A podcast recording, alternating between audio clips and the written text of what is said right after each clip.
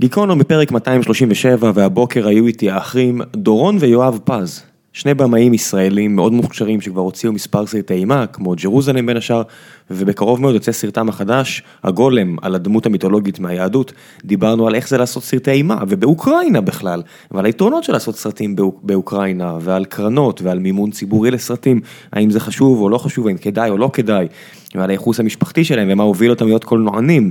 ודיברנו על טרנטינו ודיברנו על הרבה מאוד דברים והיה לי כל כך כיף לדבר איתם על קולנוע ואני בטוח שאיפשהו דורון קצת מקנא. אבל לא נורא גם הוא יחזור ויעשה את זה. ועד אז אני אספר לכם שהפודקאסט הזה הוא חלק ממשפחת הפודקאסטים של גיקונומי שכוללת את שני הפודקאסטי ספורט הפופולריים בארץ. את בכל יום נתון של אוריאל דסקל ועמית לבנטל ושל, ושלל פרשני ספורט אחרים. ואת ציון שלוש של יוני נמרודי, איציק ששו ניר צדוק היה לפני שבוע לפרק המאה וגם אני שם בדרך כלל לא תמיד מדברים על כדורגל ישראלי ועכשיו לנותני החסות שלנו לפרק הקרוב. אני רוצה לספר לכם על החברה שבחרה לתת לנו את החסות כאמור וזו חברה שוקית שהכרתי אותם קצת לפני ואז הם ישבו וסיפרו לי מה בדיוק הם עושים וכמה גדול החזון שלהם. ומי השקיע בהם, אני לא יכול לספר הכל, אבל אני אספר לכם מעט על החברה הזו, אני רק יכול להגיד לכם שזה באמת צוות מאוד מאוד מבטיח. שוקית היא חברת טכנולוגיה בצמיחה מהירה, המתמקדת בקילומטר האחרון בתחום הלוגיסטיקה ובשינוי יכולות של אנשים בעלי אופי יזמי בכל מקום, על ידי הפיכת אתגר הקילומטר האחרון להזדמנות הקילומטר הראשון.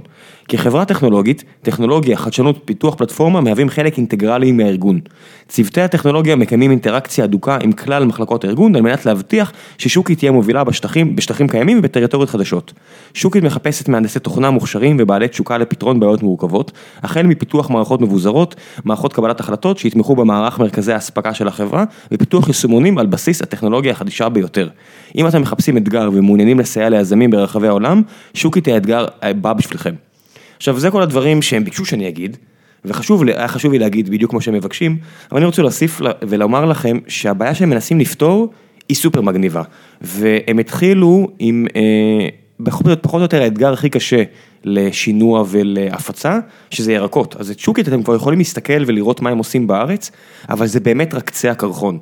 אם מעניין אתכם ללמוד עוד קצת על החזון הממש מרשים שלהם, ואני אומר את זה באחריות, החזון שלהם מאוד מרשים, כנסו לאתר, תראו את המשרות שהם מחפשים, דברו איתם, תשאלו אותם למה ראם כל כך מתלהב, ואני מניח שהם יסכימו לספר לכם.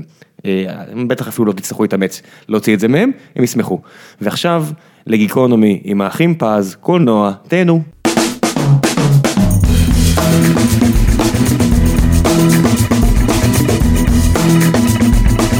גיקונומי 237 והבוקר איתי האחים דורון ויואב פז.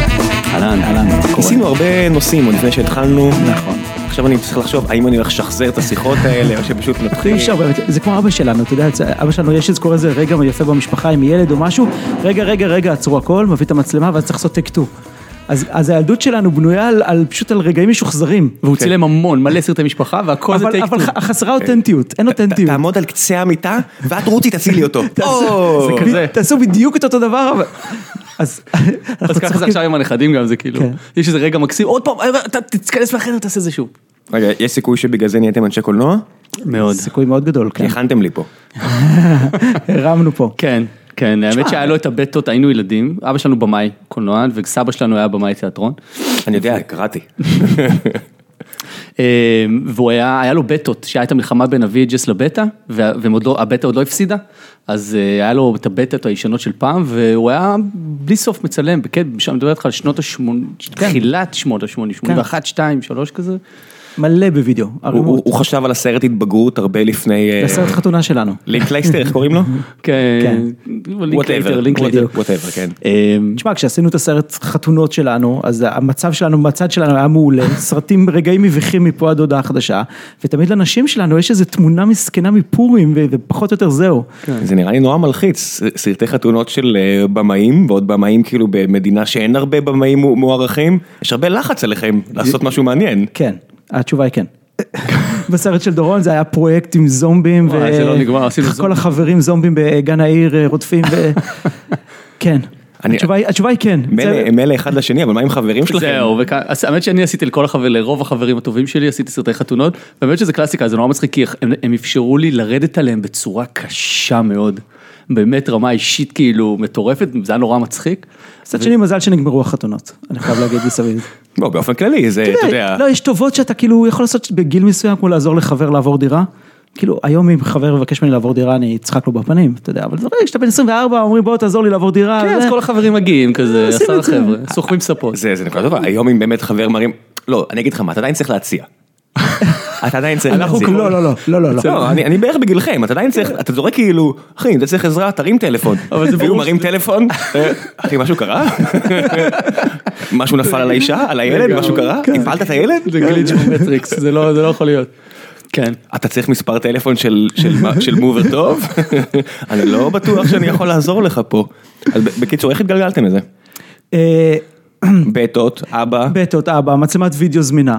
אה, אבל זה לא רק זה, אני חושב שהיה את זה ללא מעט אנשים, אני חושב שגדלנו בבית שפשוט מדברים על קולנוע, זה חלק מהמהות, ולאו דווקא מדברים ברמה של פריימים או רפרנסים או ויזואלים, פשוט מדברים ברמה, ש-. ברמה של עשייה, בדיוק, כאילו, פחות על האומנות, כאילו ברור שגם על הצד הזה, אבל בעיקר על העשייה, איך אתה עושה סרט, ואיך לא לחכות, ואיך להפיק, ואיך להרים דברים, ו... ולהילחם ולהיפגש והצלחות וכישלונות, ואתה רולר קוסטר משפחתי כזה שאנחנו חווים אותו כל הזמן.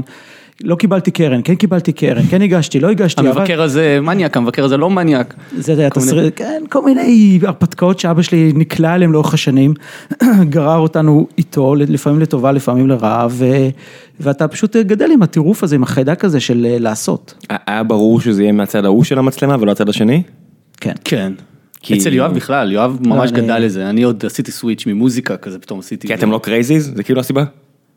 מה, ברמה של להיות מול המצלמה? כן. לא, לא, לא, לא להיות מול המצלמה. גם הבנו מהר מאוד. אה, אני מתחיל למצמץ, אה, כשמכוונים למצלמה אני מתחיל למצמץ. אין- לכם אבל את העניין הזה של... אה, ממש לא. לא, לא, לא, אין את הרצון הזה בכלל. אפילו לא קצת? לא, מה זה כיף להיות אנונימי, ולא, לא, לא בא לי בכלל, בכלל, בכלל, להיות דמות מזוהה. לפני, שהתחלנו להקליט דיברנו על כך שזה די מצחיק שפשוט רואים את קוונטין טרנטינו מסתובב בתל אביב לפעמים נכון. וזה קורה והוא ממש מעיק בצורך שלו להכניס את עצמו לסרטים.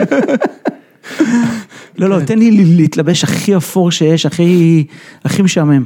הקטע הזה שהוא בסוף בג'נגו אנצ'יין אתם יודעים על מה אני מדבר? כן, שהסרט, אני, אני לא הולך להרוס אבל הסרט כבר כביכול כבר היה היה יכול להיגמר, כן. ואז יש עוד חצי שעה, החצי שעה שבדיוק הפכה את הסרט לפחות טוב. כן, כן, כן. אבל, כן. אבל יש שם קטע שלו שהוא עם מבטא, ואתה אומר, כל החצי שעה הזאת רק כדי להצדיק את עצמך, להצדיק אותו. שם. איפה האורחת, איפה העורכת, שמישהו יגיד לך, אדוני אתה אתה שיכור, לך הביתה. בדסק דילדון הוא היה מדהים שם, שם זה היה מאוד במקום. אבל... אה, הוא היה צעיר יותר, כן, ברור. הוא היה פחות גרוטסק. כן. אה, יש פחד כזה, לא? שנדחוף את עצמנו לאיזה סרט זה מיותר. לא, לא, לא, לא, אני אומר של... אתם, הרי אתם עכשיו נכנסים לאיזושהי... אין הרבה במאים מוערכים בארץ, בסדר? בטח לא בז'אנרים שאתם עושים. יש למעשה שני צמדים. נכון? אה, אני אני אפשר להגיד- מפספס מישהו? תראה, אבל שוב, השאלה, בוא נחזור אחורה, מה זה מוערך? זאת אומרת, אה, יש את הגרסה הישראלית ש, שמאמינה, באונ... אני למדתי באוניברסיטת הקולנוע, ומאמינים בגרסת העותר, הבמאי שיודע הכל, ושיש לו דברים מאוד חשובים להגיד על העולם, ואנחנו לא כל כך מאמינים בזה. אני חושב שרוב האנשים אין להם באמת משהו מעניין להגיד על העולם. גם הצמד השני איתכם, גם אמרו מה שדבר דומה? לא, קשת כן. ופופושדו, כן. כאילו, הם הם גם עושים סרטים שאנשים רוצים לראות. לראות, נכון, נכון. תראה, אני מדבר על מוערך כזה, לא כן, מוערך נכון, על ידי ארבעה אנשים בסינמטק. לגמרי, לגמרי, לגמרי, אנחנו רוצים להיות. אנחנו לגמרי מהאסכולה שעושים סרטים בשביל הקהל, ובמאי הוא קודם כל איש מקצוע, לפני הכל, וזה הבעיה, אולי נדבר על זאת בהמשך, אבל הבעיה הגדולה של מה שמנחילים פה לדורות של במאים, זה שהם אמורים להיות איזה סוג של איזה גאונים, ג'יניוס, אה, אה, אוטרים, אה, פלינים, שהולכים לשנות את העולם בתובנות החדשות שלהם. וסטודנטים לקולנוע חושבים שהם כאלה, וזו בעיה קשה. אבל איפה עובר הקו בין אה, לבדר לבין בכל זאת לעשות משהו, אתה יודע, יש אומן עם ו' ויש את האמן בלי, נכון. אתם לא תגידו לי פה שאתם רוצים לוותר על שני, כי ראיתי גם את הסרטים שלכם, גם את הסרטים של הצמד השני, ויש יומרה כלשהי, לא, תמיד כן יש, מנסים, תמיד יש יומרה, זה תמיד שילוב, זה- האמת קצת- היא באמצע. כן, אני רואה נגיד את אבל- אה, ג'רוזלם שלכם ראיתי, כן. זה קצת, אה, זוכרים דוסון קריק? אז זה עוד- זה במשפט כבר פרדוקס. אה, אני רק אומר, זה כאילו, זה סרט של אנשים שאוהבים קולנוע, כן. יש הרבה רפרנסים, כן. אתם יודעים מה אני מדבר, לגמרי, אתם עושים את הסרט, כאילו, לגמרי. אה, אה, אה, לגבי- לגבי ג'רוזלם לדוגמה, זה פשוט סרט שבאנו ליהנות ממנו. פשוט באנו גם- ליהנות, עם היתרונות שלו, עם החסרונות שלו, אמרנו בוא נהנה, יש איזה תסריט אחר יותר כבד, יותר רציני שאנחנו עובדים עליו כבר לא מעט זמן, ואמרנו בואו בינתיים נשעשע את עצמנו, בוא נעשה סרט זומבים בשביל הכיף, באמת זה, זה בא בשביל להיות כיף, באנו ל- למפיקים של הסרט, אה, ניר אה, ורותם, אה, הגיימרס, ועד היום הם צוחקים עלינו, שהם אמרו לנו, שם באנו אליהם בפגישה הראשונה ואמרו, תקשיבו, נעשה סרט גרילה, בלי תאורה, בלי כלום, רק צלם, מקליט, זהו, נרוץ בירושלים, נעשה סרט. ואז שמצאנו את עצמנו באמצע הלילה עם גנרטורים ומאה ניצבים. ו- בחומות של העיר, עם בחומות של העיר. מזרח ירושלים, עם... אז כל פעם, אה, סרט גרילה, אה, שלושה אנשים. לא, במאמר מוסגר אני, אני מכיר טוב את ניר ורותם. כן, אני- אני, אני אגיד את אני האמת, אני מכיר. אותם טוב, אפילו אה, שכרנו אותם פעם לעשות, אה, באחד החברות הקודמות לעשות סרטון אה, פרסומת, ומה שהתחיל. בתור סתם בלונדינית יושבת על הספה בכפר סבא נגמר בטייק 700, זאת אומרת, תפסיקו עם זה, בואו בוא נסגור את הסיפור הזה פה, אבל אה, לא, אבל זה לחזור לנקודה של ה... כן. ברור שאנחנו רוצים להגיד משהו לעולם, אבל קודם כל במאי הוא טכנאי, הוא, לא טכנאי, אבל הוא צריך להבין מה זה להיות במאי ברמה הטכנית גם, לא רק לספר את הסיפור הגדול שישנה את ההיסטוריה. לא כולם עושים האזרח קיין, וזה בסדר, לפעמים אתה עושה סרט כי הוא מוצר בידורי, עם חשיבה מאחוריו, עם איזשהו עומק כמובן, אבל... אה, ואתה לא עושה סרט בשביל עצמך, זה ה- נכון. זה משהו, זה תהליך התבגרות שקצת עברנו. הייתם קונים את העסקה הזו? את, אה, מה מה פרטי העסקה שוב? איפה אני חותם? לעשות-? לעשות פעם אחת האזרח קיין ואז שיקברו אתכם אה, בגלל שהצבעתם את הבן אדם הלא נכון? וואו, שאלה טובה. בגדול, כאילו, אינטואיטיבית אני רוצה להגיד כן, אבל אז מה אני אעשה כל חיי, כן, כאילו... משעמם. כמה אפשר. להיות אה, ל... אז אני חושב, התמלוגים, יחיים מהתמלוגים של האזרח כן. כן. זה משהו שרואים אצל... אני אגיד לך מה, אנחנו באמת נהנים מהעשייה. אנחנו ממש ממש ממש, הדבר הכי כיף בעולם זה לעשות סרט, וליצור פרויקט חדש, ולדבר, ולפתח, ובטח שהצילומים, כאילו זה תהליך כיפי. אנחנו, אנחנו, אני, אני שמח להגיד שעד עכשיו אנחנו נהנים, עם כל הקשיים המטורפים שכרוכים בזה, אנחנו נהנים. אז בא לנו לעשות סרטים, אנחנו קודם כל רוצים לעשות. אנחנו כרגע מפתחים המון דברים, אנחנו עובדים על המון דברים במקביל, שזה גם משהו שנפתחה לנו הצ'קרה עם השנים, שפעם היינו עובדים בזמן הסרט הראשון שלנו, פובידיליה, רק על סרט אחד, וקבורים רק בו, ושנים רק עובדים על פרויקט אחד, וזה צ'קרה שנפתחה לנו בשנים האחרונות, ש, שנורא כיף לנו ליצור ולפתח, וזה בסדר לעבוד במקביל על כמה דברים, ולהביא איזשהו פרויקט עד קו מסוים, אה, מבינים שמחכים עכשיו, או עוצרים מסיבה מסוימת, ממשיכים עם משהו אחר, זה בסדר. גם היה לנו גרף למידה מאוד טוב עם פובדיליה, מבחינתנו.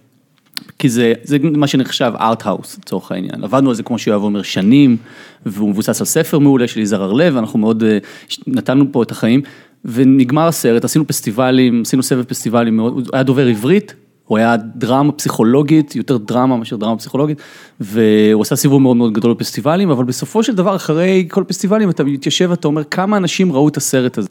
מעבר לפסטיבלים ומעבר למבקרים, וכמובן שאנחנו מאוד גאים בסרט ואוהבים אותו, ואנחנו הכי עומדים מאחוריו, אבל בסופו של יום אתה רוצה לעשות סרט לקהל. ואת פובידיליה לא ראו המון המון אנשים, מהרבה, מהרבה סיבות, כאילו אני גם לא אומר שהוא הסרט המושלם, אבל כאילו גם כי הוא דובר עברית וגם כי הוא ארט-האוס. וג'רוזלם, חצי במקרה, חצי בכוונה, גרם לנו להבין איזה כיף זה ואיזה מתגמל זה, לאו דווקא כלכלית, כן? מתגמל וכיף לעשות סרט לקהל שבאמת המון המון המון אנשים יכולים לראות את הסרט הזה. וזה ההבדל בין דרמה אגב לז'אנר, מבחינתנו.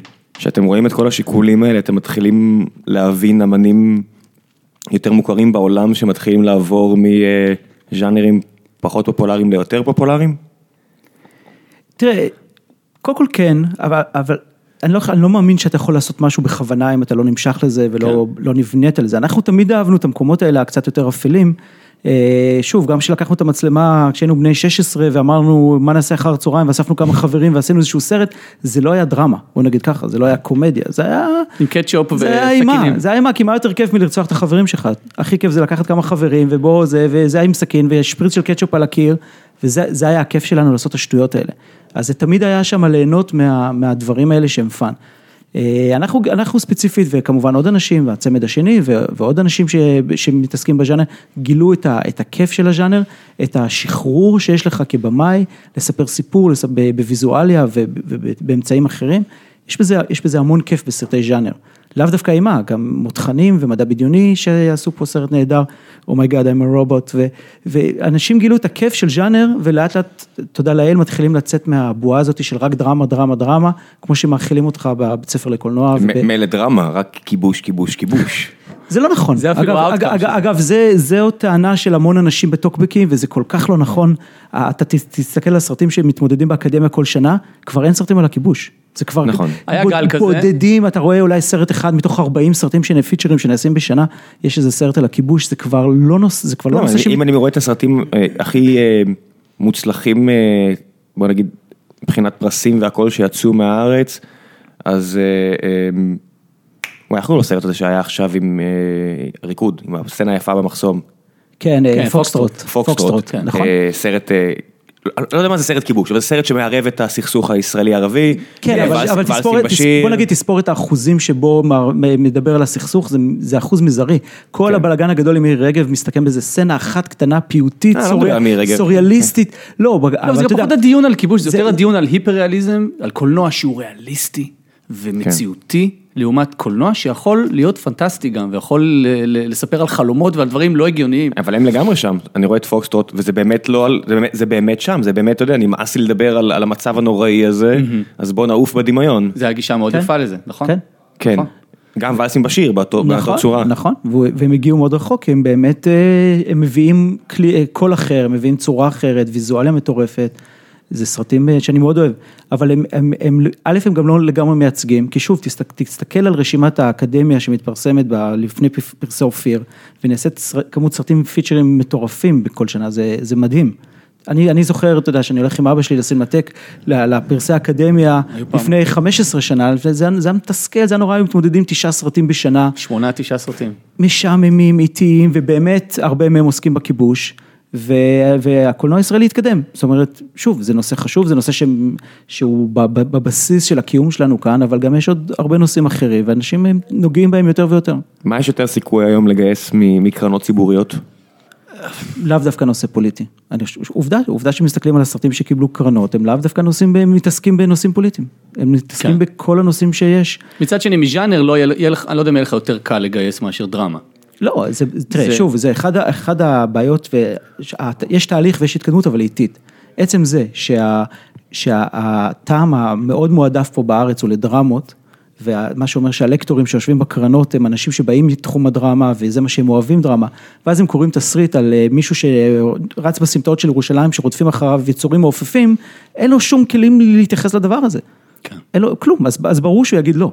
איך, אם במצב אידיאלי, נניח ועכשיו שואלים אתכם, מגיע אה, שר התרבות הבא שמנסה לתקן את מה ששרת התרבות הנוכחית אומרת ששניים לא לא יצליחו, לא לתקן. אז הוא- הוא מנסה, בסדר, היי, כן. בסדר, אוקיי. אז הוא ממש מנסה לתקן, הוא עושה את העבודה גם של הבא הבא בא בתור אחריו, וזה. שאחריו, ולוקח פה את האחים פז ושואל, חבר'ה, אני רוצה לשנות את הצורה שבה אה, מזרימים כסף לתעשייה הזאת בארץ. כן. איך כדאי לעשות את זה?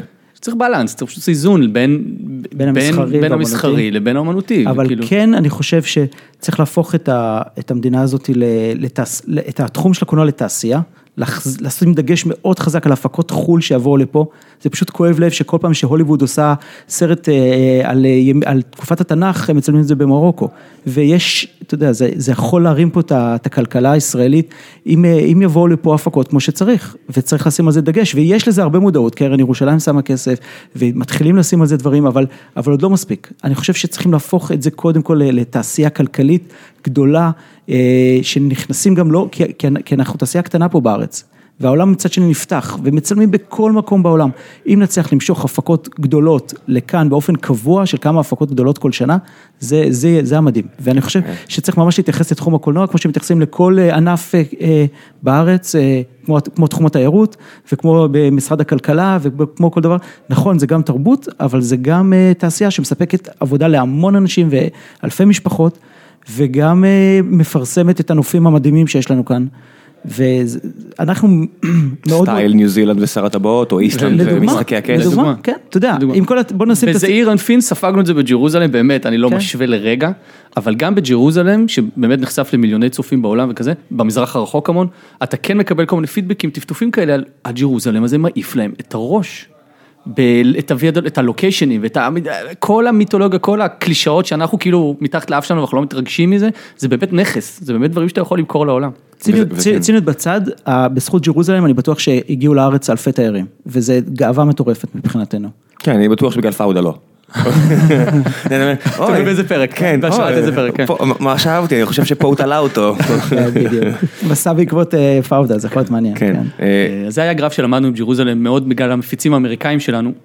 אגב, התחלנו את זה לבד, כמו שרק נסיים את הסיפור על ג'רוזלם. אה, התחלנו לבד לגמרי, לצאת עם DSLR, לרוץ ברחובות ולצלם, ולאט לאט זה גדל וגדל, ואני ויואב השקענו מכספנו הפרטי בדבר הזה, מושקעים עד צוואר. אה, מאות אלפי שקלים. כן, כן. ולעובדים שנתיים, כאילו זה מסתכם, ההשלכות הרחבות של הדבר הזה מאוד גדולות. זה לא רק הכסף שאתה שם, כן. זה בעיקר הזמן לא המטורף עובד, שאתה כן. משקיע בזה, ואתה לא אה, ואתה לא עובד בדברים אחרים. והתמזל מזלנו, אה, כל מיני אנשים, פנינו להם להרים את הכפפה ובסוף מי שהרים את הכפפה זה אפיק פיקצ'רס, החברה האמריקאית שעזרה לנו לסיים את הסרט, ודרכם, חוץ מזה שעזרה לנו לסיים את הסרט, היא גם לימדה, למדנו דרכם מה זה למכור סרט ואיך לארוז אותו באמת נכון, ואיך הם מתייחסים למוצר מסחרי, ואיך עושים מזה כסף. אני ממש אוהב לשמוע אתכם אומרים את זה, כי הרעיון הזה של תרבות לשם, אה, לא יודע למה, כי אתה יודע, אני מסתכל נגיד על המדינות הכי תרבותיות בעולם, בסדר, מדינה כמו צרפת, שהיא באמת, צריך להגיד את האמת, היא באמת אה, רמה מעל כנראה רוב העולם.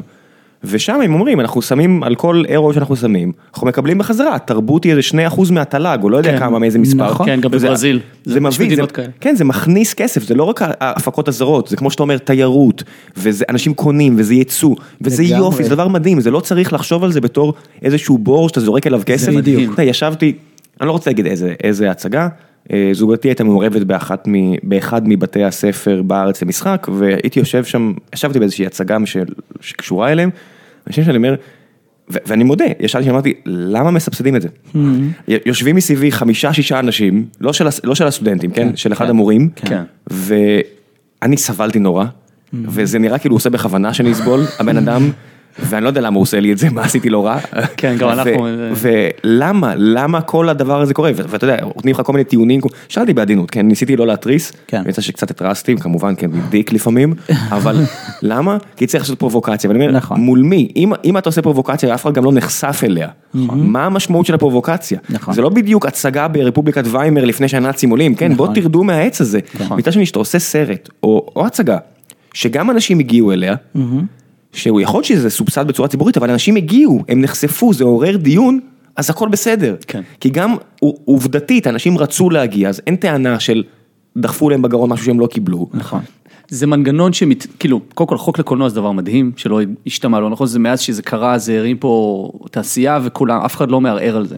הדאונסייד של הדבר הזה, שיש איזשהו מנגנון ניווני בעינינו, שקרה, וזה משתנה עכשיו, אבל קרה לפחות לאורך השנים, שהחשיבה המסחרית מתפיידת והחשיבה האומנותית גדלה, כי זה בסופו של דבר שלושה לקטורים ואולי מנהל קרן ומין דינמיקה מאוד מאוד מצומצמת. אה, של טעם אישי, אין מה לעשות, זה גם הרבה לקטורים וגיל של לקטורים, שאתה יודע, אני מדמיין את אבא שלי כלקטור, ואני יודע איזה סרטים הוא כבר יאשר כנראה, בלי לפגוע אבא, לא, זה- בלי שתיעלב, אבל כאילו, זה מנגנון שמשתנה. זה גם זה וגם שהמנגנון הוא כזה שה, שמפיק וכל המעורבים בנידון מרוויחים כסף גם אם ראו, ראו את הסרט הזה בסופו של דבר אלף איש. זאת אומרת רמת הסיכון של כל המעורבים היא מאוד מאוד קטנה. זאת אומרת יגידו אוקיי יבואו קהל מעולה, לא יבוא קהל גם בסדר.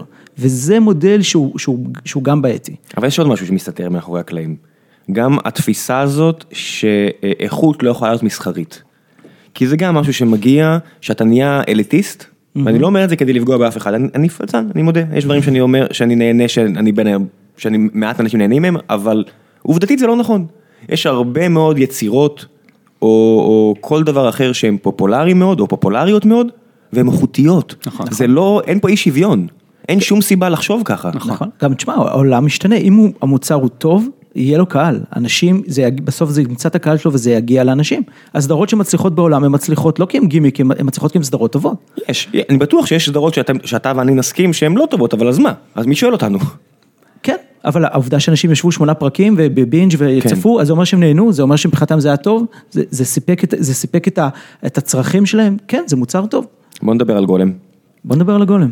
אז אחרי ג'רוזלם, הגולם, אה, סליחה, כי- הגולם. הגולם. כן. אחרי ג'רוזלם קיבלנו, זה היה לנו בית ספר באמת מדהים, והוא עשה סיבוב מאוד מאוד, שאנחנו מאוד מאוד אה, גאים ומרוצים ממנו, וקיבלנו תיאט...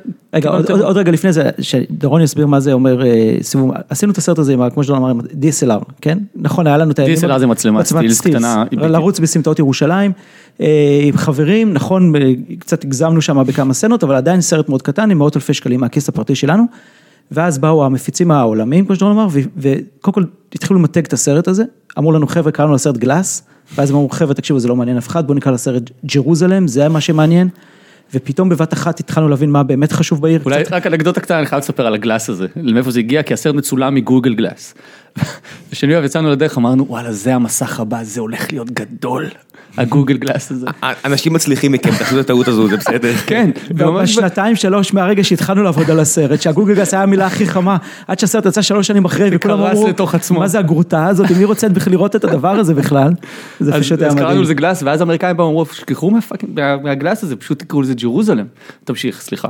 כן, לא, ואז אה, בסופו של דבר הסרט הזה יוצא בעולם, ו, ופתאום אנחנו, אתה יודע, אתה פותח iTunes בשבוע שזה יוצא, ואתה רואה אותנו מקום שני באימה של iTunes בארצות הברית, מעל מותגים אמריקאים ענקיים של מיליוני דולרים, וזה זה, זה פתאום mind blowing. זה ממש ממש שינה לנו את החשיבה ואת ההבנה שאפשר לתת fight להוליווד גם מישראל הקטנה, גם מכאן.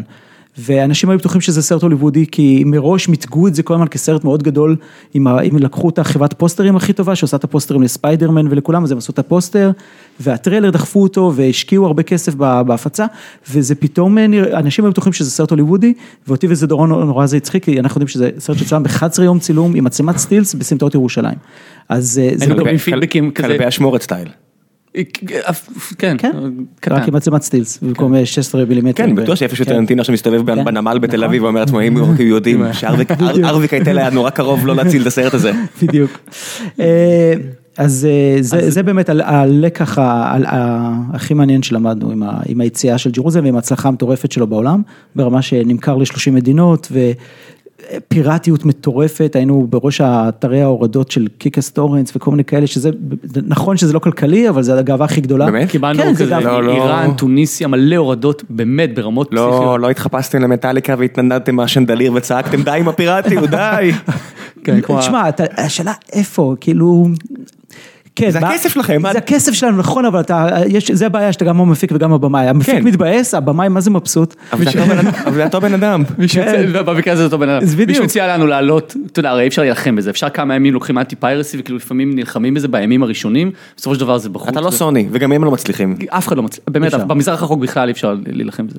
אז אה, מישהו כבר הציע לנו פשוט לעשות כותרת בהתחלה, עם טייטל, הסרט הזה נעשה, כל כמו שעושים, הסרט הזה נעשה במאמץ מאוד גדול, בבא, אם, אם נהניתם מהסרט תתרמו כמה דולרים לפייפל הזה וזה וזה וזה.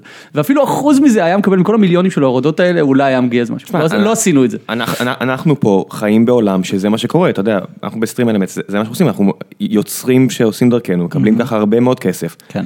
זה נראה לי סוג של אה, עתיד, עדיין אני לא מוותר על העניין הזה של אנשים ישלמו על דברים שהם אוהבים. נכון. כן. אבל, אה, או, כן, לא יודע מה להגיד. אגב, בעולם מתוקן באמריקה, אנשים מורידים, איפה- iTunes קונים, 2, 3, 4, 5 דולר קונים. גם קונים בארץ, כל- ברגע שנטפליקס הגיעו נכון, ארצה, נכון. ואנשים אמרו, אנשים- אוקיי, אני לא צריך עכשיו לריב עם כתוביות, ואני לא צריך להוריד, נכון. ואני לא צריך להסתבך עם זה, נכון. אני יכול לשלם אה, סכום הגיוני, ולצפות בכל מקום. כמו כל אזרח אחר בעולם. לגמרי. וזה הולך לשם, כולם, יהיו במקום הזה. נטפליקס חדר בצורה מטורפת, אני לא יודע, אולי זה רק הבועה סביבי, נראה לי שזה, אין לי מספרים, אני לא יודע, אבל נראה לי נטפליקס באמת תפס בארץ. אני חושב שיש יותר מאלף משתמשים כבר כן. בארץ, וזה לא משתמשים, זה מ- הרי זה משפחות. כן, כן, כן, זה- זה... כבר מדהים. עכשיו אני חושב לאנשים יש פחות יהיה כוח להתעסק עם טורנטים ולהוריד את התרגום וכן עובד ולא עובד וגרסה כזאת וגרסה כזאת. זה, ה- זה מה שאני חושב. אה, בכל אופן, אה, הגולם, הגולם. אני לא- אני לא לא, היחסן שלכם, נכון, אבל לא, לא, אני לא. מרגיש שאני צריך לעשות את זה. אוקיי, אה, אה, הבית ספר הזה פתחנו את הראש והבנו מה אנחנו רוצים לעשות, אנחנו רוצים לעשות סרטים שפונים לעולם, אוקיי?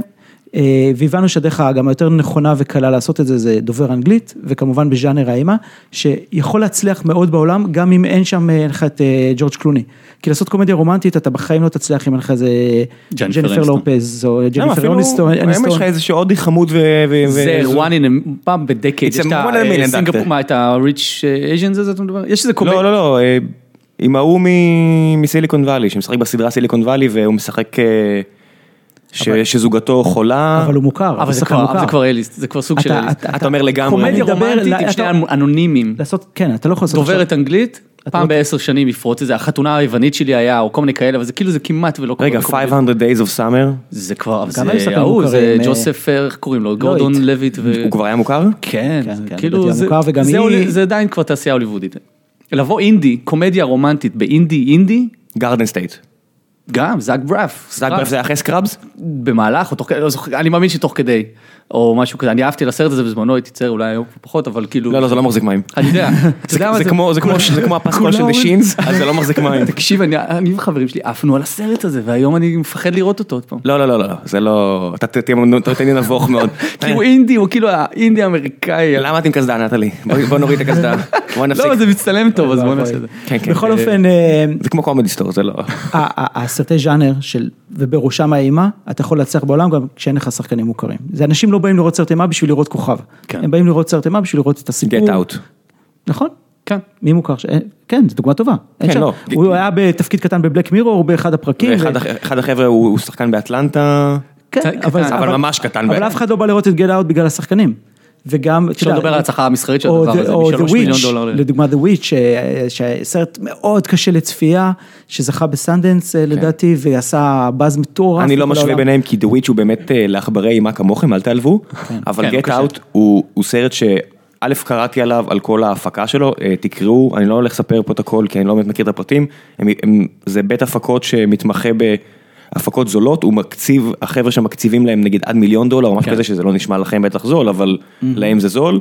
וכל דבר מעבר זה אין, תסתדרו לבד, כן. ועושים, אתה יודע, כזה כמו סטארט-אפים, עושים עשרה, עשרים, כן, משהו יצליח, זה Blumhouse, כן. כן, Blumhouse. כן. שינה את התעשייה. ו Get Out זה פשוט סרט פנטסטי, נכון. פנטסטי, גם חכם, כן. הנה זה בדיוק זה, הוא גם כיפי, הוא גם מעניין, זה בדיוק הקו הזה של אטלנטה, של כל הסדרות האלה שאתה אומר, אני לא יודע כמה עולה להפיק את זה, אבל תעשו עוד כאלה, זה דברים שהם הם לא מעליבים אף אחד, כן. שגם גם סתם בן אדם באטלנטה יכול ליהנות מהם, וגם פלצן בהוליווד יכול ליהנות מהם. אז, אז זה, זה, זה היתרון של ז'אנר, של במאי, שאתה לא אלמודובר עכשיו עושה דרמה, וכל העולם ילכו לראות את הסרט החדש של אלמודובר. זה רק בארץ, לא? מה מה קורה עם הדבר הזה? בעולם. אה, זה לא זה דוגמה ממש ישראלית. שאתה במאי דרמה מאוד מאוד גדול, אז בז'אנר בטח שלבמאים שהם, ב- אתה רוצה לפרוץ, וגם להפגין את היכולות שלך כבמאי, יש משהו בסרטי אימה, שאגב מזמן כבר לא בתפיסה של המנסרים מטקסט, יש משהו נורא מיוחד. בתפיסה של סרטי אימה, הרבה אנשים שאני זורק להם את זה, אני עושה סרטי אימה, הם חושבים שזה, אה, אתה מעיף כל היום לאנשים מעיים על הקירות ומצלם קטשופ ודם, וזה כבר אנשים- אנשים מזמן השתנה. אפילו ג'ייסון חזר איכותי. כן, לא, אנשים אינסטינקטיבית אומרים, אני לא אוהב סרטי אימה, אבל אחר כך אתה מדבר איתם, הם חולים על משחקי הכס, עם כל הזוועות כן. שקורות שם, הם רואים את כל הדברים, אבל זה לא אימה, זה סנאף. אבל זה דארק, אימה זה בדרך כלל לא סנאף. אימה היום זה זה הורר מושג, היום בהוליווד זה דבר, זה ז'אנר הרבה יותר, כמובן שיש גם את הדברים הנמוכים של רוב זומבי ואת הדברים האלה, אבל יש גם דברים, זה כבר אתה לא יודע, כמו The מנסים- Witch, יש קצוות מאוד גדולות זה לז'אנר. כבר לא מנסרים מטקסס, כן. זה כבר ממש, זה- לא, אתה את- לא יכול לעשות את זה היום. לא, אה, יש לו, יש את הז'אנר האלה, יש את, אתה יודע, יש The Purge ויש כל מיני יש כל כאלה. מיני כאלה, אבל רוב הסרטים, וגם אלה שמצליחים הם דווקא, הם דרמה, הם מבוססי דרמה. כן. זה אימה פסיכולוגית. אימה. פסיכולוגית לגמרי, כמו שאתה אמרת, כמו Get Out, לדוגמה. טוב חבר'ה, באמת. אה, אה, כן, בוא נתקדם לגולם. היחצן- יושב לנו על הראש. כן. כן, מתקדמים לגולם, הגענו לשם. אה, הבנו שזה מה שאנחנו רוצים לעשות, והתחלנו, וגם הבנו מה הייחוד שלנו.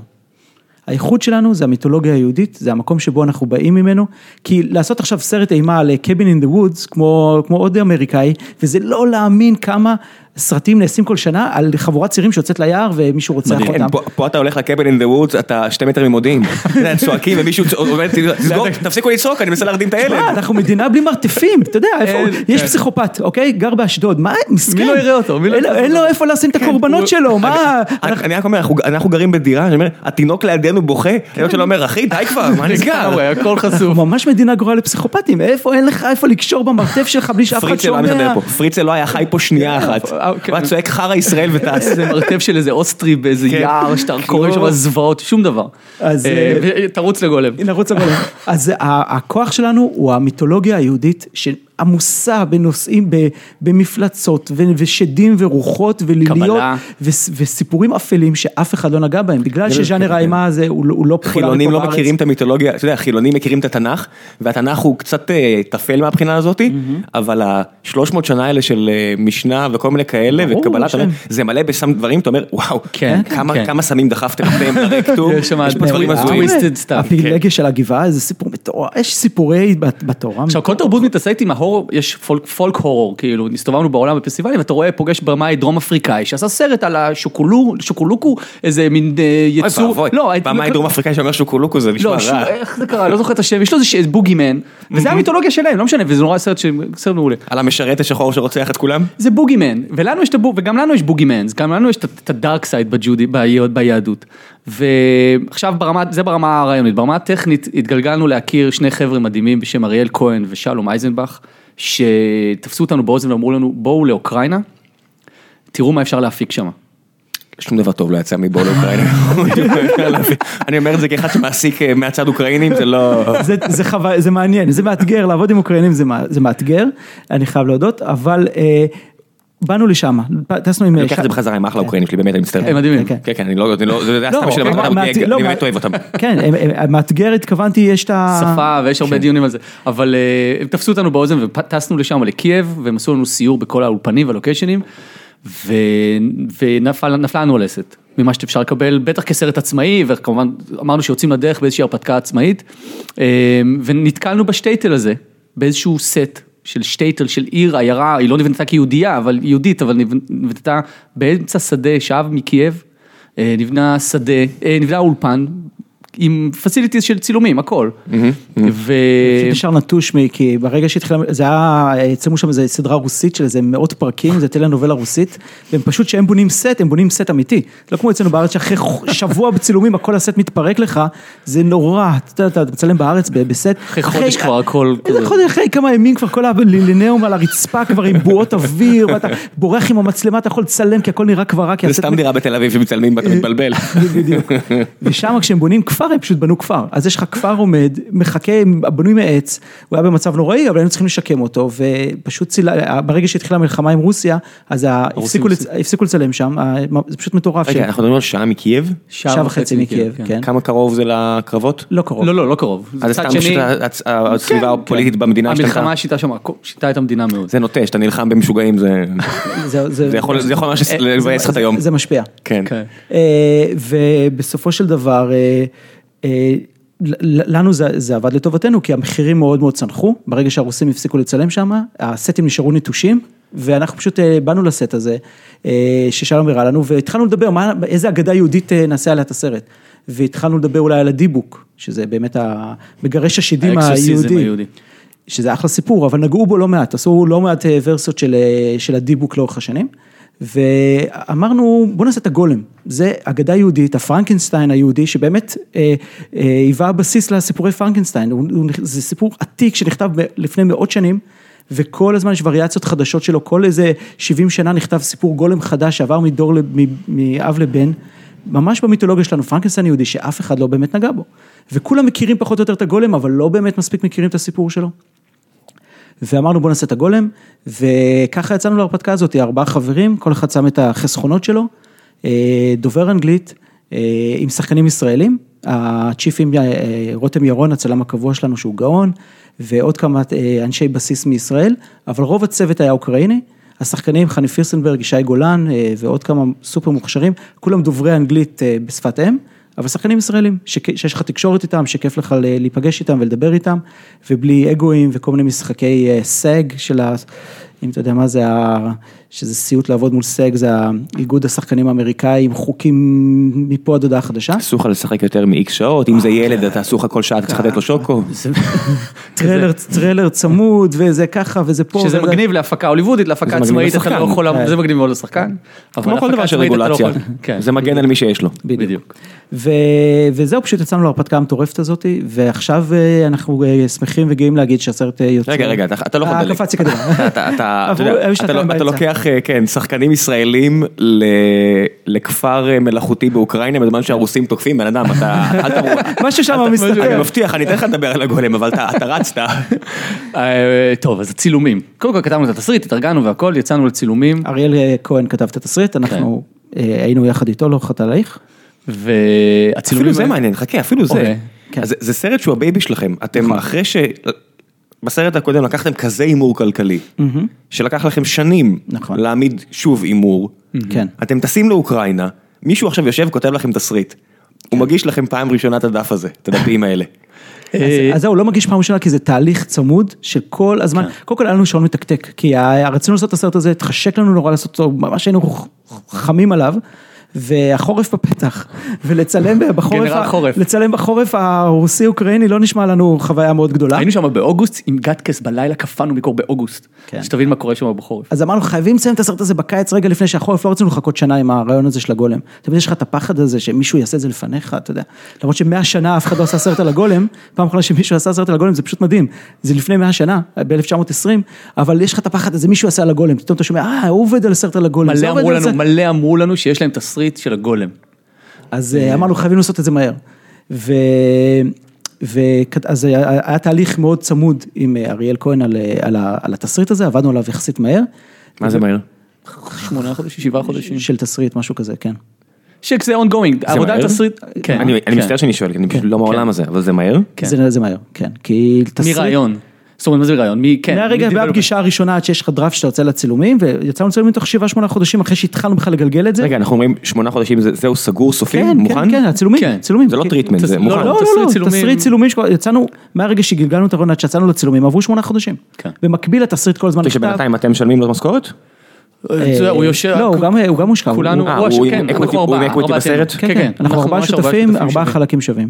כן. כל אחד משקיע, זאת אומרת, אריאל השקיע את הזמן שלו בכתיבת התסריט, אנחנו כן, כבמאים. כן, ו- ועדיין זה ממשיך, כולנו עדיין עובדים על זה כל הזמן. ההפצה, הסרט יוצא ממש עוד שבועיים אה, לבתי הקולנוע, אנחנו עובדים בהפצה. איזה לחץ. כן. כן, כן, לחץ. חכה, חכה, אז נכון. אני אני לא רוצה לרוץ קדימה. כן. אז הוא מגיש לכם את התסריט אחרי שאתם מן הסתם רואים אותו כל דרך, כל שלב. לגמרי. באיזה שלב אתם בין לבין. אנחנו בטיסות לשם לסיורי לוקיישנים, מביאים את הצלם, מביאים עוזר במאי שיודע. רוסית, אגב, במאי ישראלי שיודע רוסית, כי השפה שם. רוסית?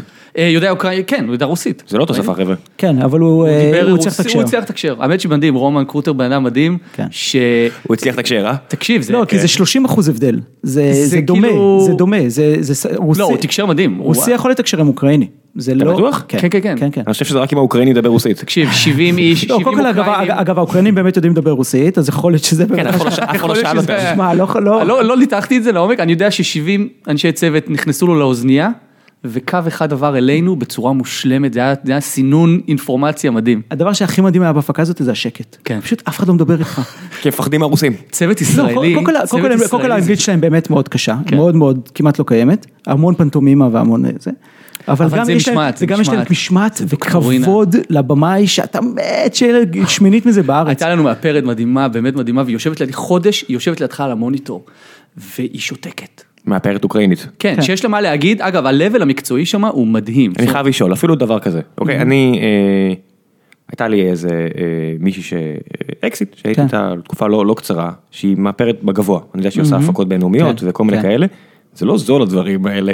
אה, איפה עושים את השיקולים של איזה אנשי מקצוע אתה מביא איתך, ואיזה אנשי מקצוע אתה אתה שוכר מקומית, שזה בטח כן. יותר זול. לא- אין אין להתכחש, נכון. אני אני לא יודע מבחינת איכות, כי אני יודע לא, שהיא לא, זה היה נחשבת מאוד, מלחמה, אבל... כשישבנו עם שלום אייזנבך המפיק, כל הזמן זה היה בוא נביא גם את הארט מהארץ, בוא נביא גם את ה... אתה רוצה לעבוד עם אנשים שאתה רגיל לעבוד איתם ונוח לך לעבוד איתם. לא מקבל הכל. נורא בדיוק, פחדנו מזה. ואז מגיע השלב שהוא אומר לו חבר'ה תקשיבו צריך לעבוד עם ארט לא, מקומי. גם יאמר לזכותו שהוא מאוד הרגיע אותנו, הוא אמר, תאמינו לי, הם טובים, הם אנשי מקצוע הוא טובים. עשה איתם כבר לא מעט הפקות, השלום הוא עושה. זה סיפור בפני עצמו, זה פודקאסט בפני עצמו, הוא עושה סרטים לקהל החרדי. והוא עשה כבר איזה עשרה פיצ'רים שם. אז נביא גם אותו, אבל אני אומר, כן, מעניין אותי כן. פה העניין הזה, שיקול, זה שיקול שהוא נורא דומה ל- להרבה סטארט-אפים. נכון, יש לנו פה אה, מישהו שאחראי על הארט פה בחברה, והוא גם, הוא עושה סרטים, והוא הוא אפילו עשה אמיוזמנט פארק, אז הוא מכיר את בדיוק את השיקולים האלה. וזה זה לא החלטה קלה, כי מצד אחד, זה לא שהמזרח האירופאים בהכרח פחות טובים, פשוט פה אתה יכול להביא מישהו שהוא בטוח טוב. נכון. זה נכון. הבדל גדול. זה נכון? ריזיקה, יש פה אלמנט של ריזיקה ויש פה אלמנט של תקשורת, בוודאי. וזה הלחיץ אותנו עבודה מאוד. ותרבות עבודה. אז איך זה לעבוד רגיל- עם מאפרת אוקראינית וצ... אני, ו- אני אתן לך דוגמה, בארץ אנחנו מאוד רגילים להציל סמכויות, זאת אומרת אתה יושב ישיבה עם הארט דירקטור שלך, שכמובן קראת את תסריט ובא עם רעיונות משלו, מדברים על כמה דברים וזהו, הוא יוצא לדרך, ואחר כך מדי פעם הוא שלח לך בוואטסאפ, תקשיב אני חושב להביא את הארון הזה לסצנה הזאת, וסבבה, שגר ושכח. שגר ושכח. לא בדיוק, סוג של, כן. כי, כי, כי, כי אתה סומך עליו, אתה הבאת אותו, זה כן. הצגה שלו עכשיו. אצלהם, הם אנשי מקצוע באמת מדהימים, אבל הם עובדים דידקטי באופן מטורף, אתה יושב איתם חודשים לפני, ישיבות הפקה של, אני אומר לך, זה- פרוטוקולים שהם רושמים לך על מחברת שאתה. כבר לא מסוגל לדבר כבר יותר, ואתה עובר סצנה סצנה, ולאט, ואתה מת כבר, חבר'ה בוא נתקדם. לא, מה אתה רוצה בדיוק, איזה ה prop- עששית. ה props הקטן הזה איזה- והעששית הזאת והנוצה הזאת והדבר הזה, details מיקרוסקופי. ועכשיו הם יושבים ורושמים הכל. עכשיו זה כמו, כמו ה art, גם אותו דבר, גם המלבישה המקומית. איך בדיוק כל אחד לבוש בכל סצנה, איך כל אחד לבוש בכל זה. עוברים איתך, אתה צריך לאשר כל פיפס, זה באמת תהליך שאנחנו לא רגילים לעבור אותו בארץ. מתיש, מתיש, אנחנו מתיש. קצת שכונה בארץ. מאוד שכונה בארץ. מצד שני, אחרי כאילו, שעברת... אנשי- אנשי מקצוע מדהימים, אבל כן, קצת כן. שכונה. לא, זה לא, תפיסה אנחנו מאוד אחרת שכונה. לגמרי. אבל ברגע שעברת איתם את התהליך האמיתי של ה pre-production, זהו, הכל קורה. אתה יודע שהכל קורה, אתה יודע שהכל קיים, יש לזה המון יתרונות, לפעמים יש לזה חסרונות, ברמה שלפעמים מביאים לך את השחקנית, אתה אומר, רגע, היא הרגע התעוררה משינה, בוא נוריד לה את המטפחת מהראש. פתאום כל הצוות, 20 אנשי צוות מתחילים רועדים לראות, רגע. אבל אמרת שהיא חייבת להיות עם מטפחת. לפני ארבעה חודשים באיזו ישיבה, אמרת שהיא צריכה להיות עם מטפחת, עכשיו להוריד, אתה יודע, רק להוריד את המטפחת משבש להם את כל איך התוכניות. השחקנים אה, הגיבו לדבר הזה? כי אני מניח שהם לא רגילים. אה, אה, חני וישי אמרו שזו ההפקה הכי כיפית שהייתה להם כן. בחיים. היה באמת משהו מאוד מאוד כיפי, קודם כל אני חייב להגיד שזה כיף להיות מנותק מה- מה- מהעולם שלך. להיות, זה כמה שאתה, זמן? כמה זמן הם... אה, חודש וחצי. חודש וחצי. שישה שבועות, אה, כן, זה לא כן, קל. לא קל בכלל, אבל, ו- ואתם גם שישה שבועות כן, רצוף? כן, כן, כן, כן, ועוד כן, באוגוסט רצוף. עזבנו את הנשים עם הילדים, אוגוסט. באוגוסט לא לא ישכחו לי את זה. לא, אני משלם לא. אני משלם על זה עד היום. אני- אבל- אני- אני מרגיש נפגע, כאילו, זוגתך. עד היום אני משלם על זה.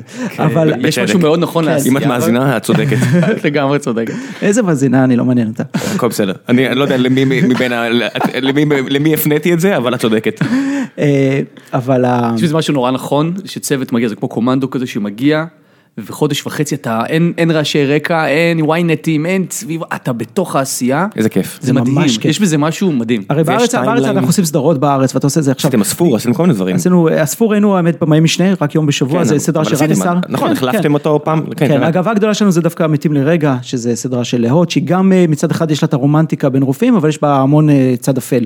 זו סדרה שמאוד נהנינו לביים אותה, שתי העונות שלה.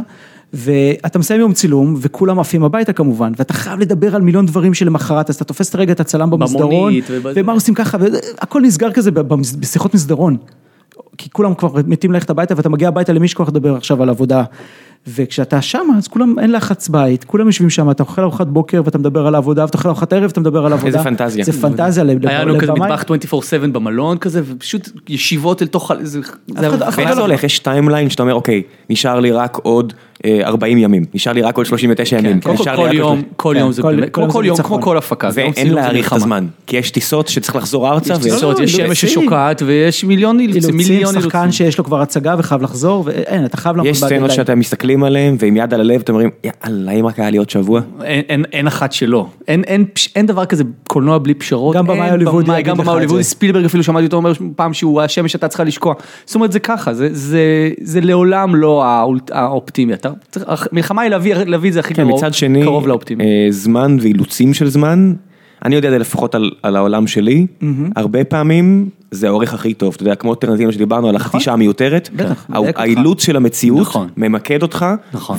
ועם כל הכבוד, רובנו נכון. צריכים שמישהו ישים להם יד על הכתף ויגידו לו. אחי, די. אנחנו מאוד מאמינים, Deadline is the greatest inspiration, אנחנו מאוד מאוד מאמינים, גם, התסריט, רצינו לצאת באוגוסט לצילומים, וכתבנו תסריט, כאילו כי אין לך ברירה. טוב, בוא נדבר עכשיו על איך זה יוצא, כי זה מרגש. אז צילמנו. חודש וחצי שמה, היה מדהים באמת ברמה הטכנית וברמה החוויה. אה, חזרנו עריכות עניינים ופאסט פורוורד קדימה, הסרט אה, עוד... קודם כל עשינו סיבוב פסטיבלים מגניב לאללה, שזה, שזה תמיד כיף, הפסטיבלים של האימה זה, זה פסטיבלים מאוד מאוד כיפים, עשינו את הסיבוב הזה עם ג'רוזלם, ועכשיו עשינו את זה גם עם הגולם, זה שונה מה, קצת מהפסטיבלים של הסרט הראשון שלנו, שהיינו בפסטיבל טורונטו, ברלין, שטיחים אדומים, כל הזה, מאוד מעונבים, מאוד מהודקים, הפסטיבלים של האימה הם הרבה יותר אין casual. מיכאל הנקה לידך. לא, לא, לא, זה, זה הכי לוז, זה יקום מקביל של פסטיבלים, אגב גדולים מאוד עם fans מטורפים. לא, בסיטג'ס היה שם ניקולס קייג' ו... כן, זה לא מחתרתי, שם- הם מביאים- כן. הם מביאים אורחים. יש יש קוריאנים מוזרים? יש קוריאנים מוזרים, יפנים יש מוזרים. כולם מוזרים, קצת. כל, זה, זה יקום מקביל של תעשייה. אגב, של... אתה, אתה מדמיין קהל שהולך לסרטים האלה, אתה מדמיין קהל של מקועקעים וכאלה פירסינג, וזה הרי כמובן הכי לא. לא, זה- אנחנו 2019, אני- בדיוק. אני אני מדמיין אותי וחברים שלי, די, כן, זה לא... בדיוק, בדיוק, בדיוק. אבל מה שכן, מסתיר את הקעקוע. לא, כי זה אני צריך להסביר תמיד ל- כן לאנשים שמי שהולך לפסטיבלים של אימה זה דווקא הילדים הכי טובים שיש. זה חנונים. זה, פסטיבל. של גיקים. נורא נורא מגניב ובאמת כיפי ושיחות מדהימות וזה אנשים נורא מעניינים. מה שהיה מדהים בחו... ב- ב Jerusalem החוויה של להקרין את הסרט הזה באולם, הפרמיירה העולמית של הסרט במונטריאול בפסטיבל פנטזיה שהוא הכי גדול בעולם לאימה. 800 איש יושבים באולם ומגיבים לסרט שלך כמו rock concert, כמו הופעת רוק. זאת אומרת שיש איזה זומבי שמשתפד שם, באמת, literally כולם קמים, לא כולם, אנשים קמים מהכיסא צועקים. yeah, וכאילו, אוי, זה. מרגיש- רגע, זה מייק. זה מייק. אבל יש בזה, יש לזה גם כיף. לכם זה כיף. לנו זה כיף. אני אומר, אם אני סתם יושב שם כדי לראות סרט, כי יש לי הזדמנות לצאת מהבית ולראות סרט, אז אוקיי, לא. בוב, תשב. אבל זה הדביק אותך, כי אתה בא לשם. ליהנות, אתה בא לשם, אנשים אף פעם לא ראיתי. סרט ככה, אתה יודע? זה מדהים. זה כיף. אף פעם. זה מעצים קצת את החוויה, זה שוב, לא, לא, יש סרטים שצריכים את השקט ואת הריכוז, לסרטים שהם קצת, בוא נגיד לג'רוזלם, זה מתאים, לגולם אגב זה לא מתאים. נכון. ודווקא בגולם אנחנו שמחים שהתגובות בדיוק כמו שציפינו, שקט, מוחלט, מרותקים. כי זה דרמה, גם, כאילו. גם, אגב, הדבר הכי מעניין זה להסתכל על שפת גוף של קהל בסרט, זאת אומרת, כשאנחנו רואים, מקרינים את הסרט באולמות, אז אתה מסתכל דווקא, נגיד, איפה הייתה הקרנת בכורה שלנו? דווקא בפסטיבל FrightFest בלונדון, פסטיבל ענק, שהקרינו את זה על איימקס. זה היה פסיכי, זאת אומרת, אנחנו רגילים לשבת בחדר עריכה, לראות את זה על מוניטור כזה ממוצע, ואז אה, הסרט מוכן כמובן ברגע האחרון, ואז אנחנו רואים את הסרט כמעט פעם ראשונה על מסך איימקס. מטורף. בגודל שאני לא יכול להסביר לך, כמו אה, בניין של חמש קומות. ו... אבל ועם כל זאת אנחנו מסתכלים על הקהל דווקא, כן, כי אתה לא יכול לראות את הסרט הזה כבר. לא, לא. לא, אה, די. התשובה היא לא, ואתה מסתכל על הקהל ואתה רואה, ו- ו- ויש, את- אתה יודע, אנחנו מכירים את זה מכל מיני הקרנות וזה שאנשים זזים באי נוחות, או כמובן בודקים אסמסים, או השיעולים, לא, זה- השיעולים הנוראים האלה, ש- הזקנה עם הסוכריות טופי. לא, השיעול- זה בעיקר שיעולים, זה קטע מדהים, בקטעים משעממים, פתאום כולם מתחילים להשתעל תמיד בסרטים, תשים לב, יש איזה רגע כזה בטן, פתאום אנשים מתחילים להשתעל. חייב רגע בטן? לא, אני, לא, לא, בטן אני זה מדבר לא טוב, זה כן. בטן זה ממש לא טוב. בטן זה לא טוב. אז כאילו אתם מסמנים לעצמכם... אני אה, מסמן קודם כל דווקא, בהקרנות ניסיון, וזה, בהוליווד זה מדע, הרי יש אולמות שמצלמים את הקהל ומנתחים. כן, אבל. להם- להם יש גם כסף לשנות את זה. הסרט. נכון. נכון, לא, לא, לא, אנחנו- השמחים, הגאווה הגדולה שלנו, שהקהל מרותק, שקט, אנשים פשוט יושבים בכ- בכיסא, כאילו, לא- לא לא מגיבים, וזה וזה מעולה, זה בדיוק מה איזה שרצינו בילדאפ שיהיה. אתה עושה פה. כן? לא, הם איתך, אתה מרגיש שהם איתך. אתה יש- מרגישים איתך, כן. בדיוק. אה, ומזה אנחנו מאוד מרוצים. אתה יודע, אני, אני נזכר בתגובה הזאת של אה, טרנטינו שאמר שהוא ראה את, אה, מה זה היה, Inglourious Basterds בארץ וכל הקהל התחיל להריע והוא אמר, יואו איזה מוזרים אתם שאתם מ- מ- מעירים, אה, מעירים על, אה, על, על הנקודה הזאת, ממש פשיסטים, אחי אתה עשית את הסרט, אתה עשית את הסרט, אתה עשית את הסרט. אז אה, יש נקודות אצלכם שאתם אומרים, אוקיי, הם מגיבים פה נורא, ממש זרמו פה עם אז זה הכוונה לא שלנו. תגובה כמו היטלר חוטף צרור בכיסא. אל תהרוס. לא, אני צוחק, ב- אני כן, צוחק. אני צוחק, אני צוחק. אה, אבל שם באמת היו, קראתי שאנשים פה נורא הריעו את זה. אתה פשוט מרגיש באנרגיות, זה העניין של להישען קדימה או להישען אחורה, שליפת טלפונים זה הדבר הכי קלאסי אגב. היום זה ממש מרגיז? סדרום, אם אתה יושב מאחורה, וואו, זה מטריף. זה מטריף. לראות פתאום את האור הזה מאיר מלמטה, בכל מיני, גם זה בסרטים גם- אחרים, ובטח ובטח בסרט שלך, אם זה קורה כזה דבר בכלל, כן. לרצוח בן אדם. תשמע, זה התמכרות, זה בעייתי. כן. אם אתם מצליחים לגרום לבן אדם. אה, לא לגעת בטלפון שעה, כן. זה לא טריוויאלי בכלל. בימינו לגמרי. שעה וחצי לשבת בחושך, לא, לא, לא, ממש קשה. בכלל גם לא לדבר אחד עם השני תוך כדי, האלה שתמיד שואלים את האישה שלהם מה קורה ומסבירים את מה ש obvious קורה על המסך, גם באמת להגיע למצב שאנשים יושבים שעה וחצי ואשכרה שותקים, זה, זה מדהים היום. אז, אז זה אנחנו מאוד מרוצים שזה קרה בכל הפסטיבלים שהקרנו בהם עד עכשיו, ועוד שבועיים אנחנו יוצאים פה בבתי קולנוע בארץ, וקצת אחרי זה ברחבי ארצות הברית, שזה מדהים. איך זה עובד? איך העסקאות האלה עובדות? אתם עכשיו, אתם סגרתם על איקס בתי קולנוע בארץ ובארצות הברית? יש... אז אה, זה- זה- זה מגרשים נפרדים לגמרי, זאת אומרת, מגרש הישראלי או מגרש הישראלי. לא, זה בטוח, זה כן, בטוח, אני אומר, במגרש זה? במגרש האמריקאי זה מאוד מורכב, גם כמובן משתנה כל הזמן, הסטרימינג הרי די שינה את כל עניין הקולנוע, בתי קולנוע היום, theatrical עצוב להגיד, אבל כתעשייה זה די, אם אם אתה לא מארוול, ואם אתה לא איזה אינדי של סמינטקים, קשה לך היום לקבל תפוצה בתי קולנוע באמת רחבה בארצות רגע, הברית. נגיד מישהו, משהו כמו גט אאוט שהצליח, ראיתי גם אבל הוא בקופות. באמת הצליח, לא, אבל לא, רגע, אני אומר, אבל אה, משהו כזה, איפה, זה מוק- הכסף מגיע מהבתי קולנוע או מסטרימינג? הוא מגיע גם וגם, אני מאמין שזה סקיילים אחרים, אני מאמין שזה, אני לא יודע כמה בתי קולנוע הוא יצא, אני בטוח שבכמה מאות. אבל סרט בשביל, אה, לא, סרט בשביל באמת להרוויח מיליונים, הוא לא, צריך זה להיות אלפי, זה בבתי... אלפי, על מאות ואלפים. מאוד, כן, הוא חייב להיות בבתי קולנוע, בטח, לגמרי, כי נטפליקס, החלום הרטוב של יוצרי קולנוע זה שנטפליקס יקנו אותם כנטפליקס אוריג'ינל, כאילו עם החותמת הזה של זהו, את הסרט שלהם, וזה אומר שזהו. כמו עם לא- רומא עכשיו, כמו עם הרבה סרטים. סרטים כאלה, עכשיו אני לא יודע כמה הם שילמו ברומא כמובן, זה זה, אבל נגיד, זה עשה לו את כל היחסי ציבור זה- ש... זה אסטרטגית. אני אומר, אני אומר. שבעולם האימה העצמאי, אם נטפליקס קנו אותך כאוריג'ינל, הם משלמים בין מיליון דולר למיליון וחצי דולר, ואנשים מרוצים. על הסרט ההוא עכשיו של נטלי פורטמן, זה- אנליאשן, איך קוראים כן, לזה? אני שמעתי על סכומים של יותר, שמעתי על סכומים של... לא, זה לא, בטוח, כי הם אבל... השקיעו, זה ממש... הם הצילו. את הסרט. זה ממש כן. הפקה שלהם, אבל גם יש, להם כל לא, הם מיני... הצילו, הם קנו את אה, זה זה, בדיעבד. נכון, הם קנו את זה בדיעבד. גם אבל דרגות פרדוקס. קלוברפילד היה שם איזה... יש להם כמה דרגות מעורבות, זאת אומרת, יש כמובן את ההפקות של איך נטפליקס. מגיעים אליהם? איך מגיעים? דרך חברות הפצה. ליאור רז? אני לא צוחק, מה, ליאור אה, תשמע, ישראלי. ג'רוזלם והוא- נמכר אה, לנטפליקס. וגם הגולם יגיע לנטפליקס, לא כאוריג'ינל, פשוט כסיבוב שני, אחרי שנעבור את הסיבוב הגדול זהו בארצות הברית. סגור? זה לא לא, סגור, אבל זה- זה לא רוב הולך הסיכויים. שזה הולך לשם. וגם ג'רוזלם היה שם. גם אמזון פריים, וכאילו זה, כל אחד כזה זה עסקה ש... מי מי עושה, אתם? לא, לא, לא, לא. חברת הפצה Epic Pictures, שחברנו אליהם שוב, אלה שמכרו אותנו בג'רוזלם גם מכרו, מפיצים את הגולם. חייב את ה middleman? כן. כן. מה שקצת קשה ועצוב זה כן שאתה חייב את, בסופו של דבר את המפיץ הזה, שיש לו כבר שנים של קשרים עם האנשים האלה. זה, ש... זה משהו שהשתכלל עם התעשייה, אבא שלנו בזמנו, עם הסרטים שלו היה טס לבד, כמו traveling agent, נוסע עם מזוודה עם VHS ים לכאן, לכל השווקים הגדולים של הסרטים, ומוכר לבד, זה היה ועשה- מדהים. ועשה עסקאות ככה, ועשה עסקאות, אה, גרמניה, טריטוריה, זה טריטוריה, מוכר לבד, זה כבר מ- לא קורה. כמה מידלמנים יש? יש, יש לא מעט, וגם המידלמן, החברה היא, היא כמובן גדולה, ומשרדים מפוארים. רגע, רגע, לא, לא, לא כמה עובדים במידלמן, אני אומר, כן. מידלמן אחד זה סוכן, יש לכם סוכן? כן. כן, יש... יש זה- ייצוג, זה- יש יש לנו ייצוג יש- הוליוודי, אבל זה כאילו, זה לא כל כך בד... ב- ב- ברמה המסחרית זה חוזה מסחרי שכבר לא, לא, חתמנו. פשוט מעניין אותי באמת כמה, אתה יודע, ברמה הפרקטית, כי שוב, אני מצטער שאני מסתכל בזה, כי פשוט זה דומה למה שאנחנו עושים פה. ב- אין יוצר לגמרי. קולנוע שלא יקטר על הוצאות ההפצה של הסרט שלו. כולם מקטרים על. הכל, הכל בסדר. לא, על הוצאות. ההפצה, כי זה...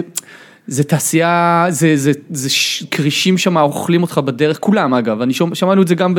אתה יושב בפסטיבלים, אני מדבר לך כמובן בלי שמות, אבל אה, במאי עם סרטים מצליחים, שזכה. בפרסים הכי יוקרתיים, והסרט שלו כמובן אה, אחד מהסרטים המדוברים, והוא אומר, תשמעו, זה, אני, אני גמור מזה, אני רואה את המפיצים שלי טסים ב- בביזנס וישנים ב Four Seasons, ואני בקושי גומר. סטיבן טיילור מ Aerosmith, שמעתי אותו אצל ג'ו רוגן מתלונן על- על כמה שלקחו לו. באמת? בן אדם זה כולם. נכון. אבל מעניין אותי, כאילו, אבל- אבל אתה לא יכול בלי זה. אתה לא באמת יכול בלי אז אני אומר, אז רגע, יש סוכן שלוקח את העשרה אחוז שלו, לא יודע כמה. יש manager שלוקח יש 10%, manager, יש agent שלוקח 10%. יש legal שלוקח רגע, חמש. שלושה אנשים לוקחים עשרה אחוז? בעולם הוליוודי מתוקן יש לך טריו, יש לך manager, agent ו legal. 10 agent, 10 manager, 5 legal. אלוהים אדירים. זה סטנדרטי, זה הוליווד. זה לפני אבל מיסים. אלוהים אדירים, אבל בוא נגיד, הלוואי על כולנו שנפעיל נכון. את הצוות הזה כמו שצריך. כי- הטריו כי הזה. פועל, זה אומר שאתה קיבלת פועל. לא, ברור, זה כמו שאני... ברמה- כן. הוליוודית. החלום שלי זה לשלם חצי מיליארד שקל במס הכנסה, מן הסתם. בדיוק. הגולם זה דווקא סיפור אחר, כי שוב, אנחנו ארבעה שותפים, ובסופו של דבר נכנסנו, עבדנו עם חברת הפצה שהיינו מאוד מרוצים מהם בסרט הקודם, והם לקחו גם את החברת הפצה הזאת, אז לא מעורבים. ה- יש לנו כרגע טריו שהופפולי בפרויקט הבא אנחנו נפעיל אותם הלוואי הלוואי. וזה רק עשרה אחוז מרווחים, נכון? אתם לא צריכים להסתכן כדי להביא את החבר'ה האלה. אתה מדבר על הפרויקטים הבאים שיבואו? לא, באופן כללי, איך המודל עובד? זאת אומרת, עכשיו. לא, עכשיו המודל הוא אחר, עכשיו המודל הוא שיש חברת הפצה, שיש להם את הזכויות לסרט בכל, בארצות הברית ובכל העולם, חוץ מבישראל, והם עכשיו, אה, זה משחק שלהם, לגמרי, הם מדווחים לנו כל שבוע, וזה משחק שלהם. והם יודעים לעשות את זה, ויש להם את מכרו הקשרים ליפן, שלהם. מכרו לגרמניה, מכרו לזה, מכרו לזה, מכרו לזה. וממקסמים את הרווחים. מה. ה game plan שלכם אה, לארצות הברית? איך פורצים? אוקיי, איך אז, אז מה שצריך להגיד על בתי קולנוע זה כבר, זה, יהיה לנו בתי קולנוע, יהיה לנו הפצה של בתי קולנוע בארצות הברית, אבל זה טיפה בים. זאת אומרת, זה, לנו כמובן זה מדהים, בבית קולנוע בווילג' שהסרט יוקרן, ויש כל מיני בתי קולנוע שזה יוקרן בהם, אבל זה הטיפה, זה באמת פחות העניין. העניין הוא לשבת על, היום, בעולם של indie horror, שאתה לא עם אה, major, עם אולפן מאחוריך, פשוט להיות בכמה שיותר שירותי VOD בעולם.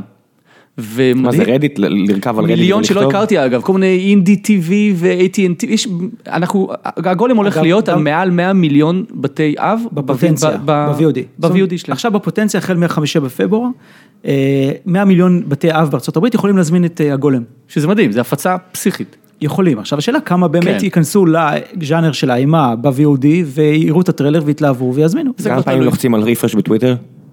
מה- מהחמישה עוד לא, בפברואר. אבל כשזה יגיע, וואי, כן. הפעם שעברה היה- הייתי- לא, יואב היה מכור. ל iTunes, לדירוג ב iTunes כמו מניות, הוא היה כי זה מסתכל על ממש זה. מראה לך בזמן אמת כמה אתה בדירוג הזה של iTunes, ועד שהגענו למקום שתיים, שני, באימה, שזה היה מטורף, ואחר כך כמובן אתה יורד. כן, כן.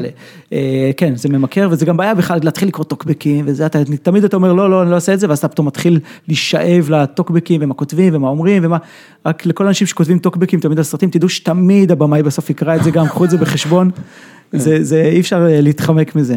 ענית פעם למישהו? אה, בסרט הראשון שלנו, בפורבידיליה, היינו, שוב, זה, אתה, אתה, אתה לומד לגדל אור של פיל עם הדברים, ב- בפורבידיליה היינו מאוד מאוד חשופים, סרט ראשון יצא החוצה, זה יותר מזה, זה גם האינטרנט היה, זה לא שהאינטרנט התחיל אז, אבל הטוקבקים והתהודה של הדברים היו הרבה יותר גדולים. עכשיו היינו יושבים ואתה יושב ו- ואתה רואה בבלוג של יאיר ופתאום איזה מישהו כותב את הסרט, אתה בא לך לבכות, ואז אתה מתחיל לכתוב כזה בתור מישהו אנונימי. אה, האמת שראיתי את הסרט והוא דווקא מאוד מוצלח, אני מאוד נהניתי, אני לא מבין על מה אתה מדבר. ניסוחים מילגים של טוקבק סוג ג' כזה. זה בכל- זה בכל תעשייה. אתה אמא. שלנו כותבת גם כל מיני טוקבק, כאילו זה... זה בכל תעשייה, אבל. היום זה אחר, זה- אני באמת חושב שהאימפקט של הדברים האלה היום היא קצת יותר קטנה. היא מצטברת למשהו גדול, אבל פעם היינו מאוד מאוד זה כאוס, אי אפשר לדעת, כן. אי אפשר לדעת מה... כן. כן. תשמע, ביוטיוב נגיד, בטריילר של ג'רוזלם יש לנו כמעט 4 מיליון צפיות לטריילר.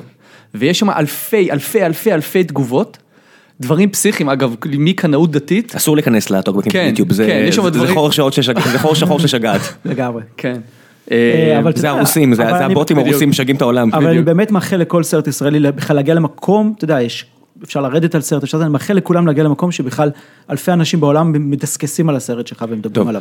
אז לפני אה, ש- אז אנחנו מקווים שבאמת כן. הגולם יצליח לעשות את מה שג'רוזלם עשה, והגיימפלן הלאה הוא אה, פשוט אה, להמשיך במקומות מעניינים ולקבל עוד פרויקטים. שאלות מהקהל. כן. ולפני שנעבור לשאלות מהקהל, ניתן את הבמה לנותני החסות שלנו.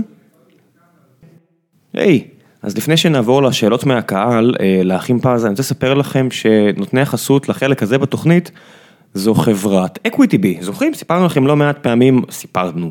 אה, סיפרתי לכם על חברת EquityBee, שמחברת בין אה, סטארט-אפיסטים שרוצים אה, לממש את האופציות שלהם, אבל אין, אין בידם לשלם את מחיר המימוש, לבין חבר'ה מבחוץ, משקיעים, שרוצים להשקיע בסטארט-אפים, ולא עבדו בסטארט-אפים, והם נכנסים בעצם דרך אותן אופציות שהסטארט-אפיסטים לא יכולים לממש, אז הם באים, לוקחים את נטל המימוש עליהם, את הנטל הכלכלי, ומתחלקים ביחד עם העובדים ברווחים.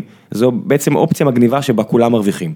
אז באה EquityBee ואמרה, אה, החבר'ה שם אמרו, מה לגבי כל האנשים שאין להם עשרות ומאות אלפי דולרים ועדיין רוצים להשקיע? מצאו פתרון גם לזה, הפתרון הזה נקרא Startup Index Fund וזה יוצא לגיוס מהקהל הרחב, כל הסיפור הזה. בגדול כולנו יכולים לקחת חלק באקזיטים הנוצצים של אומת הסטארט-אפ, אה, אשר עד היום היו שמורים לקרנות הון סיכון מובילות ומשקיעים מקושרים. EquityBee, כמו שאמרתי, בשיתוף עם אה, Fundit פועלים IBI, מציגה את Startup Index Fund. הקרן הראשונה מאפשרת לכם להשקיע בסטארט-אפים המבטיחים בישראל, גם ללא ידע בהשקעות או הון עצמי מאוד גדול. הקרן הזו מתמחה בהשקעות באופציות עובדים ובחברות טכנולוגיה פרטיות. כמו שסיפרנו לכם, כל אחד יכול להצטרף להשקעה ב Startup Index Fund, כשסכום ההשקעה בקרן הוא עשרת אלפים שקל. זה לא סכום מבוטל וזה לא peanuts, אבל זה בטח לא עשרות ומאות אלפי הדולרים שצריך אה, לפני האפשרות הזו.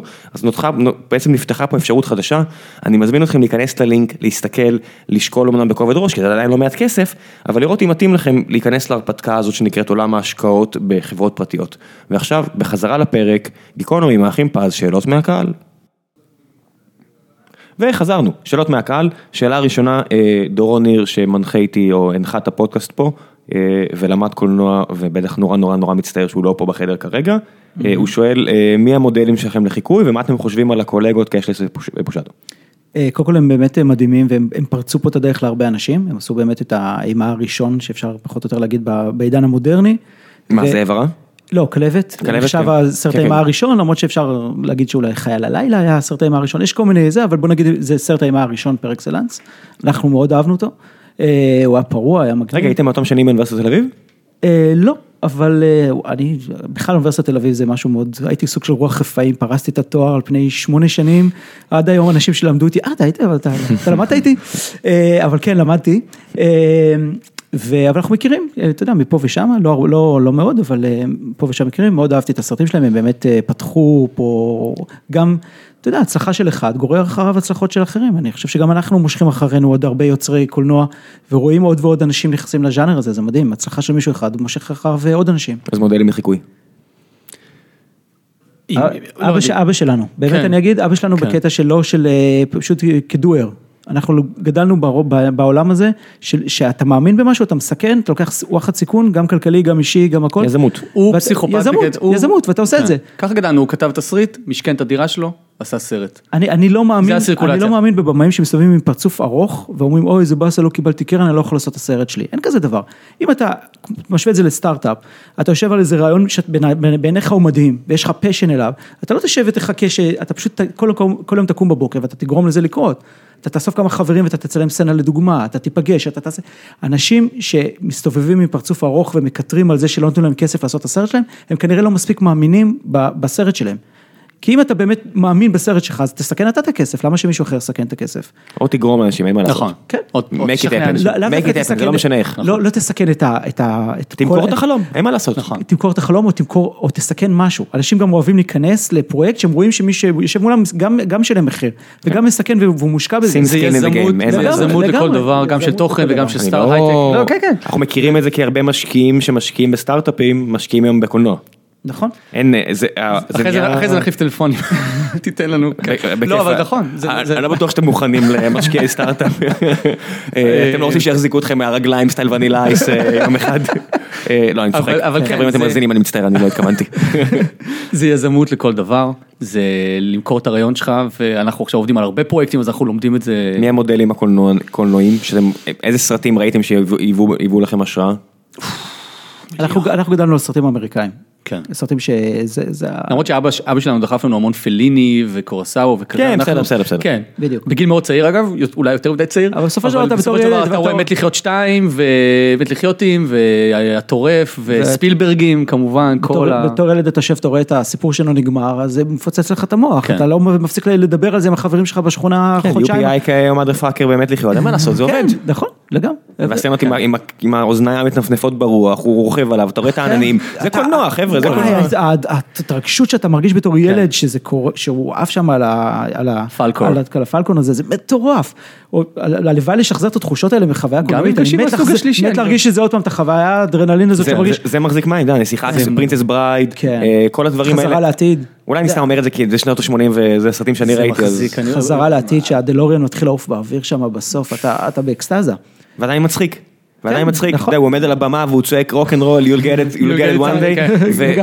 זה- פשוט קולנוע טוב, זה כן, פשוט. קולנוע טוב, נכון, אפשר לעשות. קולנוע טוב בכל עשור, לגמרי. בדיוק שמעתי פודקאסט על אה, Raiders of the Lost Ark וכל מה שקורה מאחורי הסרט הזה וזה פשוט מעיף לך את הראש איך הגאונים האלה ספילברג ועוד שניים שיהרגו אותי אם אני לא זוכר איך קוראים להם. אה, כמובן אה, לוקאס ועוד התסריטאי שאני לא זוכר את השם שלו ואיך הם זורקים רעיונות וזה מגיע ליצירת אומנות ה-Raiders of the Lost Ark שרק אחרי זה הפך לאינדיאנה ג'ונס נקודותיים ל-Raiders of the Lost Ark. זה פשוט מדהים זה מעיף לך את הראש.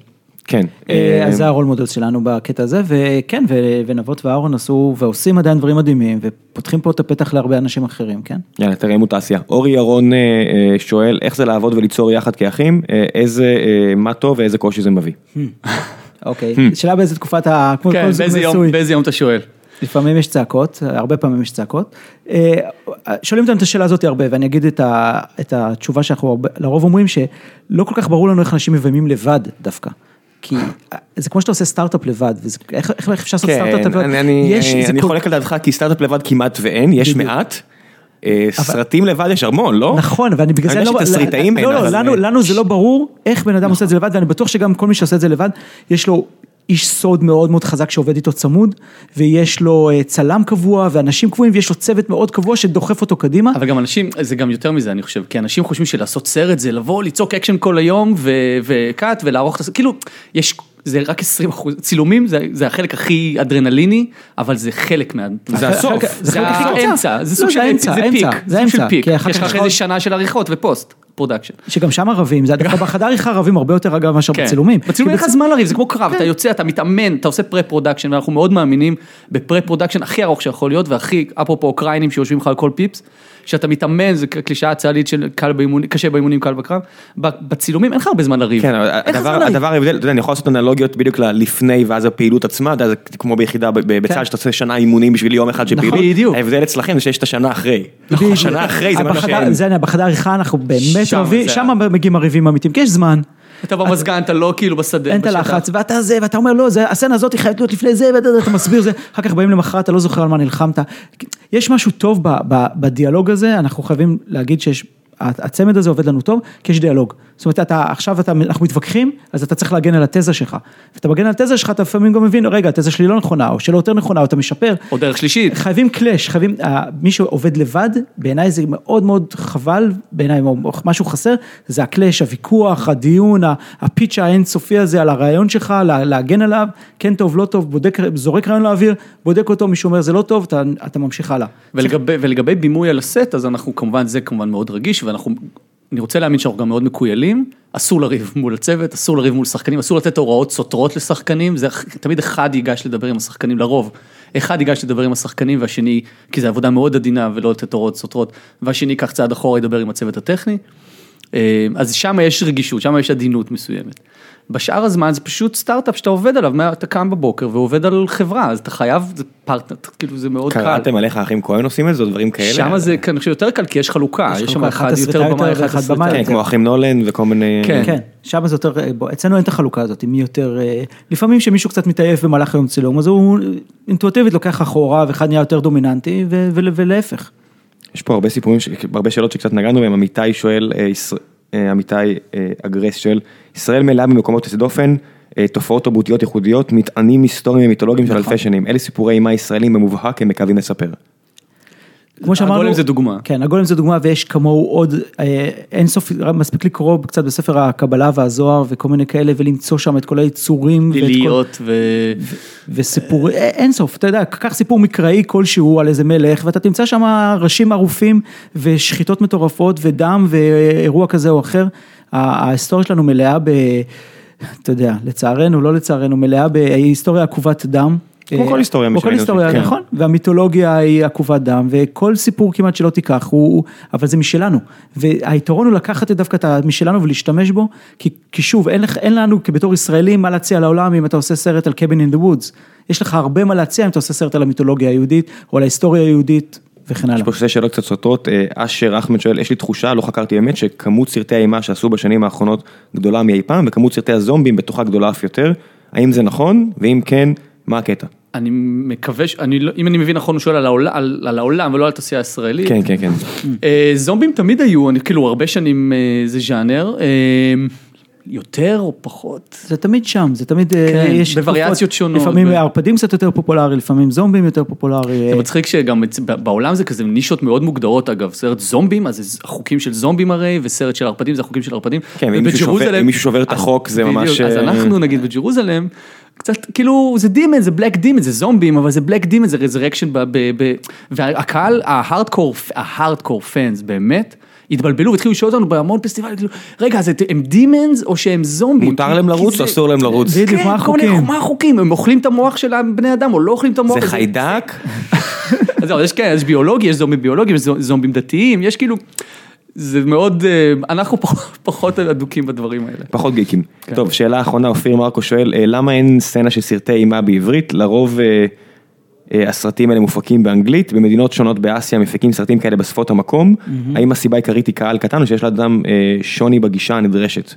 קודם כל נעשים, איתן גפני עשה את אה, בשר תותחים, סרט זומבים דובר עברית, אה, ופה ושם יש, שווק חריג.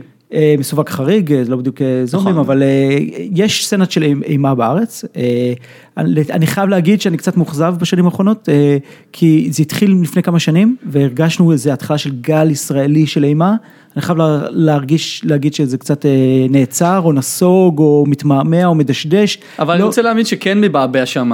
אני רוצה להאמין שיש הרבה יוצרים ישראלים שכן מסתובבים עם רעיון ל- למשהו אימה שיש לו פוטנציאל עולמי. זה גם יותר קל היום, זה גם יותר קל לצלם ולהפיק. ו- אולי עוד אנשים שמעו על אה, אוקראינה עכשיו. יכול כן, להיות, לגמרי. זה, זה כבר לא סוד אגב, המון המון ישראלים מצלמים שם מפרסומות וכזה, אבל גם ברמה הטכנית של ספיישל אפקט ו-CGI וכאילו, אתה יודע, ל- להביא מצלמה קטנה היום, המצלמות היום זה דבר, אני לא צריך לספר לאף אחד איזה איכות יש לדבר הזה, וזה קל פשוט קל יותר.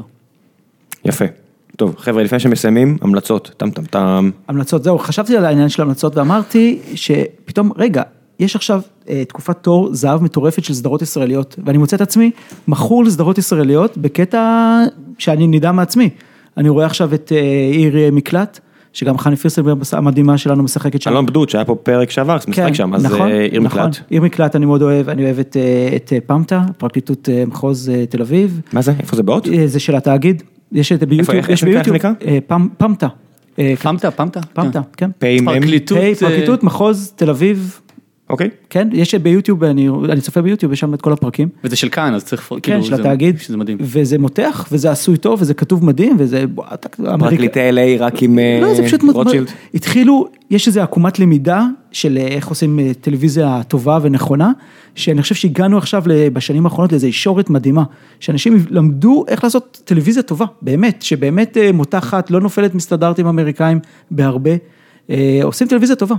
אה, איש יש פה חשוב, הרבה, אתה יודע, אני-. לא מזמן ראיתי איזה פרק במקרה, שוב נפלתי על פרק, ראינו שוב את האחיות המוצלחות שלי. אה, God מעולה, כל. הכבוד לכם. אתה יודע, על הספקטרום סדרה מדהימה, איש חשוב מאוד, סדרה מעולה, יש, עושים טלוויזיה, התחילו לעשות טלוויזיה פשוט טובה בארץ, אה, איש חשוב מאוד יש עונה חדשה, נכון? כן, מעולה.